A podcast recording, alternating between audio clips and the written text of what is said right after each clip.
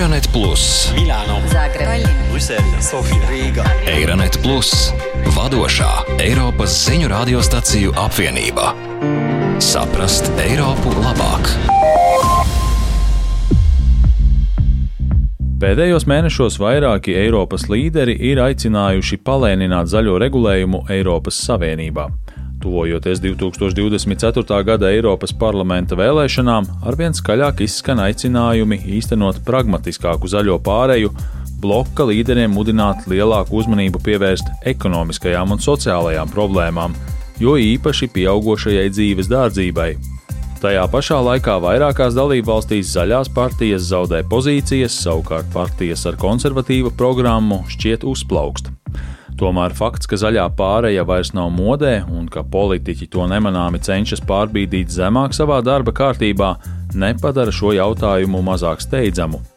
Šāda situācija varētu mudināt dažus vides aktīvistus veikt vēl radikālākus pasākumus, lai pievērstu mediju un sabiedrības uzmanību klimata krīzei. Mēs tiekamies jaunākajā Euronet zaļā kursa raidierakstu sērijā. Šoreiz parunāsim par vides aktīvismu un tā robežām. Pēdējos gados ir parādījušās vairākas radikāli noskaņotas vides aktīvistu kustības. Lai piesaistītu uzmanību, šo kustību dalībnieki īsteno radikālu, nevardarbīgu pilsonisko nepakļaušanos, piemēram, bloķējot autoceļus, aizsprostojot dzelzceļa līnijas, lai apturētu ogļu vilcienus, vai ar krāsu aplējot pieminekļus. Portugālē šādās aktivitātēs iesaistās kustība studentu streiks par klimatu. Tās pārstāve Katarina Biju uzskata, ka pret klimata pārmaiņām ir jācīnās tikpat aktīvi kā pret covid-19. Nós pretendemos parar todas as políticas que sirvam para expandir o consumo de combustíveis fósseis. Mēs vēlamies apturēt jebkādu politiku, kas veicina fosilā kurināmā patēriņa pieaugumu, un vēlamies, lai tas šobrīd būtu visu iestāžu galvenais uzdevums, proti izbeigt fosilā kurināmā izmantošanu. Mūsu prasības vienkārši atbilst zinātnieku noteiktajām robežām. Līdz 2030. gadam mums ir jāpārtrauc fosilā kurināmā izmantošana, un līdz 2025. gadam mums ir vajadzīga simtprocentīga atjaunojamā elektrība, lai nepārsniegtu zinātnieku noteiktās robežas. Lai tas notiktu, ir jāizsludina ārkārtas situācija, kā tas bija Covid pandēmijas laikā, kad cīņa ar vīrusu bija katras iestādes galvenā prioritāte. Arī tagad mēs atrodamies ārkārtas situācijā, un mums to tā arī vajadzētu uztvert. Tāpēc visas iestādes, kas nepievērš uzmanību šai problēmai, nepilda savu darbu pienācīgi. A fazer o trabalho certo. Sociāla antropologs Klaus Sedlenieks sarunā ar Latvijas radio izskaidroja, kas motivē šos kaislīgos protestētājus. Šie radikālie protesti ir, ir tomēr tāda mazākuma izpausme, un šeit ir runa tieši par to, ka nu, mēs esam situācijā, kad uh, lielākai daļai cilvēku jautājumu, kur mūsuprāt ir ļoti svarīgi, ir mazsvarīgi, un tāpēc mēs uh, nu, izdarīsim kaut ko tādu, ka viņiem tomēr tomēr nāksies pievērst tam uzmanību un vismaz aizdomāties, vismaz jau nu pamanīt, ka kaut kas tāds ir. Bet kad šāda veida aktīvisms pārkāpja robežas, atbild socioloģija Klaudija Petresku. Dreptul de a demonstra și de a riposta la anumite lucruri care nu ne convine este un drept pe care Problēma noi ir tā, ka mana brīvība beidzas tad, kad es pārkāpju citu cilvēku brīvību. Tiesības piedalīties demonstrācijās un cīnīties pret lietām, kas mums nav pieņemamas, ir smagi izcīnītas un nostiprinātas tiesības. Bet viss ir atkarīgs no tā, kā mēs izvēlamies paust savu nostāju. Ja izmantojot šīs tiesības, mēs nodarām kaitējumu, piemēram, vēsturiskas nozīmes objektiem, es neesmu pārliecināta, vai tas ir labākais veids, kā paust savu neapmierinātību ar kādiem lēmumiem. Šim viedoklim pievienojās Stokholmas vides institūta Tallinas centra vecākais eksperts klimata un enerģētikas politikas jautājumos Ivo Krustoks. Viņa prāt sabiedrība zināmā mērā var pieņemt radikālu aktīvismu, taču ir robeža, kuru nevajadzētu pārkāpt. mina vähemalt enda peas olen seda lahti mõtestanud nii, et kui see tegevus, mis Manuprāt, galīgais slieksnis tiek pārkāpts tad, kad tiek izdarīts kaut kas neatgriezenisks vai ļoti kaitīgs, kad tiek izdarīts kaut kas nelabojams vai tāds, kas nodara smagu kaitējumu. Piemēram, kad tiek iznīcināti nozīmīgi kultūras vai vēstures artefakti, vai kad tiek apdraudēta cilvēku dzīvība. Lai gan Slovenijā praktiski nav radikāla aktīvisma piemēru, vēsturniece Aleksandra Berberika Slāna neslēpa savas bažas par šādu kultūras artefaktu bojāšanu. Nažalost, nekih konkretnih rešitev jaz nisem zasledila. Dejansko gre za protest, ki je po mojem mnenju popolnoma. Es domāju, ka šāda veida protesti ir pilnīgi nepareizi vērsti, jo šiem mākslas darbiem nav nekāda sakara ar to, pret ko viņi protestē, proti galvenokārt pret fosilo kurināmo. Tiesa ir arī protesti pret galeriju un muzeju ziedojumiem, proti pret to, ka fosilās degvielas uzņēmumi sponsorē lielākos muzejus un galerijas. Šajos gadījumos pastāv ticama saikne, bet mans personīgais viedoklis ir tāds, ka tas ir pilnīgi nepareizi nepareizs un nepieņemams veids, kā protestēt. Protams, rodas jautājums, vai šāda rīcība patiešām nes augļus. Tā, protams, piesaista mediju uzmanību, bet vai tā patiešām pārliecina cilvēkus atbalstīt mērķi? Ivo Krustoks uzskata, ka nē, jo, lai gan aktīvisti var nonākt ziņu virsrakstos, sabiedrības reakcija uz viņiem parasti ir diezgan negatīva. Šķiet, ka līdzīgi domā arī Lietuvas klimata psiholoģe Ģintare Zinkevičūte. Reakcijos. Mēs varam turpināt runāt par faktiem, bet tie neizraisa tik lielu reakciju kā emocionāla atbilde. Un šeit mums ir daudz emociju. Mums ir dusmas, izmisums, pretestība. Esmu redzējusi vairākus video materiālus ar aktīvismu darbībā, un mani patiešām šokēja cilvēku ļoti dusmīgā un agresīvā reakcija uz to, kas zināmā mērā ir saprotami, jo ir traucēta satiksme un citas ikdienas darbības. Taču mērķis ir šokēt cilvēkus, piesaistīt viņu uzmanību, un tas ir tas, kas palīdz pievērst cilvēku uzmanību tādā mērā, kā to nespēja pilsoniska rīcība pati par sevi sevi. Tas ir viens no iemesliem, kādēļ klimata aktīvisti veic šādus pasākumus - satricināt sabiedrību un pievērst uzmanību tam, ka notiek klimata krīze. Attiecībā uz to, vai tas sasniedz mērķi, pievērst uzmanību, tas noteikti ir iespējams. Vai tas palīdz piesaistīt cilvēkus klimata kustībai, vai arī tikai izraisa viņu pretestību, ir cits jautājums, uz kuru mēs drīzumā nesaņemsim skaidru atbildi. Ekonomikas analītiķis Kūs Kuzmīns Ilievs ir Bulgārijas ekonomiskās iniciatīvas apvienības priekšsādātājs. Viņš personīgi skeptiski vērtē Eiropas Savienības zaļo pāreju, kas viņa prāt bremzē Eiropas ekonomikas attīstību, bet vēl negatīvāk viņš vērtē radikālo vides aktīvismu. Екоактивистите, когато прибегнат до такъв тип подходи и похвати, също Ekoaktīvisti, izmantojot šādas pieejas un taktiku, faktiski ķeras pie terorisma. Zaļās ideoloģijas pamatā ir šādu paņēmienu un triku izmantošana, lai sasniegtu savus mērķus.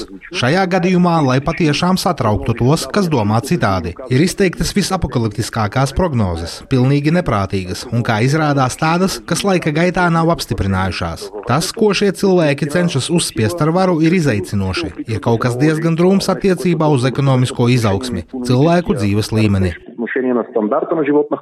Cik tad bargi būtu jāsoda jebkuras politiskās pārliecības aktīvisti par saviem pārkāpumiem, artefaktu bojāšanu, nekārtību izraisīšanu un tā tālāk? Itālijā tā dēvētā pēdējās paaudzes kustība ir saņēmusi nosodījumu par dažu valsts lielāko pilsētu skaistāko pieminekļu bojāšanu. Nesen Itālijas parlaments pieņēma likumu, kas paredz cietumsodu no sešiem mēnešiem līdz trim gadiem personām, kuras bojā sabiedriskas vai reliģiskas ēkas vai ēkas, kas aizsargātas kā kultūras mantojums. Taču ANO īpašais ziņotājs vides aizstāvju jautājumos Mišels Forsts ir paudis bažas par to, ka Itālijā arvien biežāk tiek sodīti vides aktīvisti.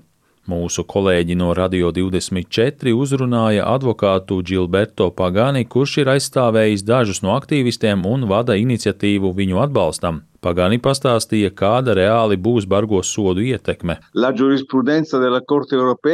Represīvo pasākumu mērķis acīm redzami ir novērst šādus incidentus. Tā kā lielākajā daļā gadījumu runa ir par ļoti jauniem cilvēkiem, es nevaru izslēgt iespēju, ka daži no viņiem kādā brīdī tādu vai citādu iemeslu dēļ to izbeigs. Ja jūs veicat kratīšanu vai iesniedzat sūdzību pret 18, 19 vai 20 gadus vecu jaunieti, un viņš atgriezies mājās, saskars ar vecāku neapmierinātību, jūs objektīvi ierobežojat viņa tiesības paust savu viedokli. Skaidrs, ka represijām ir tieši šāds galvenais mērķis. Tā vietā, lai atzītu problēmu, ko šie bērni aktualizē, un mēģinātu kaut nedaudz uz to reaģēt, citiem vārdiem sakot, rīkoties pret klimata pārmaiņām, jūs vienkārši vēršaties pret šo darbību veicējiem vai domājamiem veicējiem, lai to visu paslēptu zem deķa un panāktu, ka neviens cits neprotestē. Pagāni paskaidroja, kāpēc viņš vērsīsies Eiropas cilvēktiesību tiesā pret Itālijas valsti par vārda brīvības pārkāpumiem. Le azioni repressive eh, sono ovviamente finalizzate ad impedire che questi episodi. Eiropas cilvēktiesību tiesai judikatūra dažos aspektos ir daudz attīstītāka nekā mūsu, jo īpaši attiecībā uz tēmām, par kurām mēs diskutējam, par tiesībām protestēt un pret nevārdarbīgu demonstrāciju kriminalizēšanu. Eiropas tiesas ir izrādījušas iecietību pret dažiem pilsoniskās nepakļaušanās gadījumiem ekoloģiskās ārkārtas situācijas kontekstā gadījumiem, kurus, kā tās apgalvo, var attaisnot ar ārkārtas stāvokli. Vai tas nozīmē, ka vārda brīvība dažkārt ir svarīgāka par likumu ievērošanu? Horvātu bioķīmiķe un ilgadēja klimata aktīviste Sāra Matiča atbild apstiprinoši. I političari, i ljudi na pozicijama moći ignoriraju Politiķi un varas pārstāvji ignorē pilsoņus un aktīvistus, tāpēc ir saprātīgi izmantot arī citas metodes, ne tikai protestus un petīciju rakstīšanu. Tā rodas ideja par dažādām akcijām un blokādēm, par metodēm, kas šokē un piesaista lielāku sabiedrības un varas pozīcijās esošo cilvēku, kuri ir ignorējuši visus miermīlīgos protestus, uzmanību. Jāatzīmē, ka nekas no tā tomēr nav radikāls. Aktīvisti vienmēr ir miermīlīgi miermīlīgi un nevārdarbīgi. Piemēram, izlējot zupu uz gleznas muzejā. Mēs visi zinām, ka vērtīgas gleznas muzejos tiek aizsargātas vai aizstātas ar replikām, tāpēc nekas netika sabojāts. Taču mēs redzam, ka šī akcija bija ļoti veiksmīga, jo tā izplatījās visā pasaulē, un tagad par to runā visi.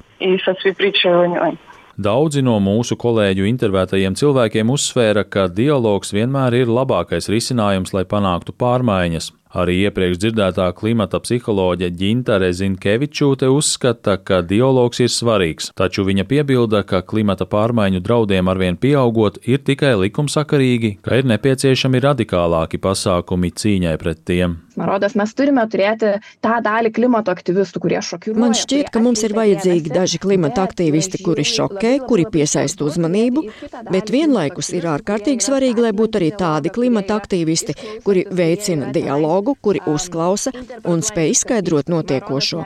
Man šķiet, ka šo problēmu nevar atrisināt un pievērst sabiedrības uzmanību tikai ar šo radikālo kustību palīdzību, jo jā, tās izraisa neapmierinātību, tās padara klimata kustību pretrunīgu, tāpēc tās vienas pašas problēmu neatrisinās. Taču tikai mierīgi ieklausoties, mēs varam redzēt, ka debatas par klimatu ir izcinājušās gadu desmitiem. Viens no iemesliem, kāpēc cilvēki ķeras pie radikālas rīcības, ir tas, ka viņi redz, ka pārmaiņas nenotiek tik strauji, lai tiktu līdzi klimata izmaiņu tempiem. Savu ceļojumu noslēdzam Ungārijā, kur tikāmies ar vides aktīvistu un klimata aktīvistu Ištvānu Ferenči.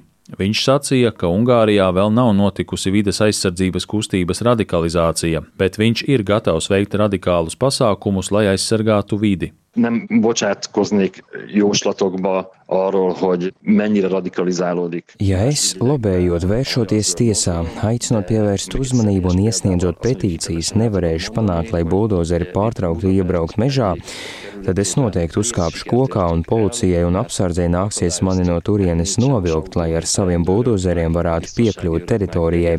Tāpēc es noteikti varētu radikalizēties konkrētos apstākļos, bet es varu runāt tikai par sevi. Ar to izskan šī Euronet zaļā kursa raidierakstu sērija. Paldies, ka klausījāties! Līdz nākamajai reizei! Eironet Plus, Milāno, Zagreba, Brisele, Sofija, Rīga. Eironet Plus, vadošā Eiropas ziņu radiostaciju apvienība. Saprast Eiropu labāk!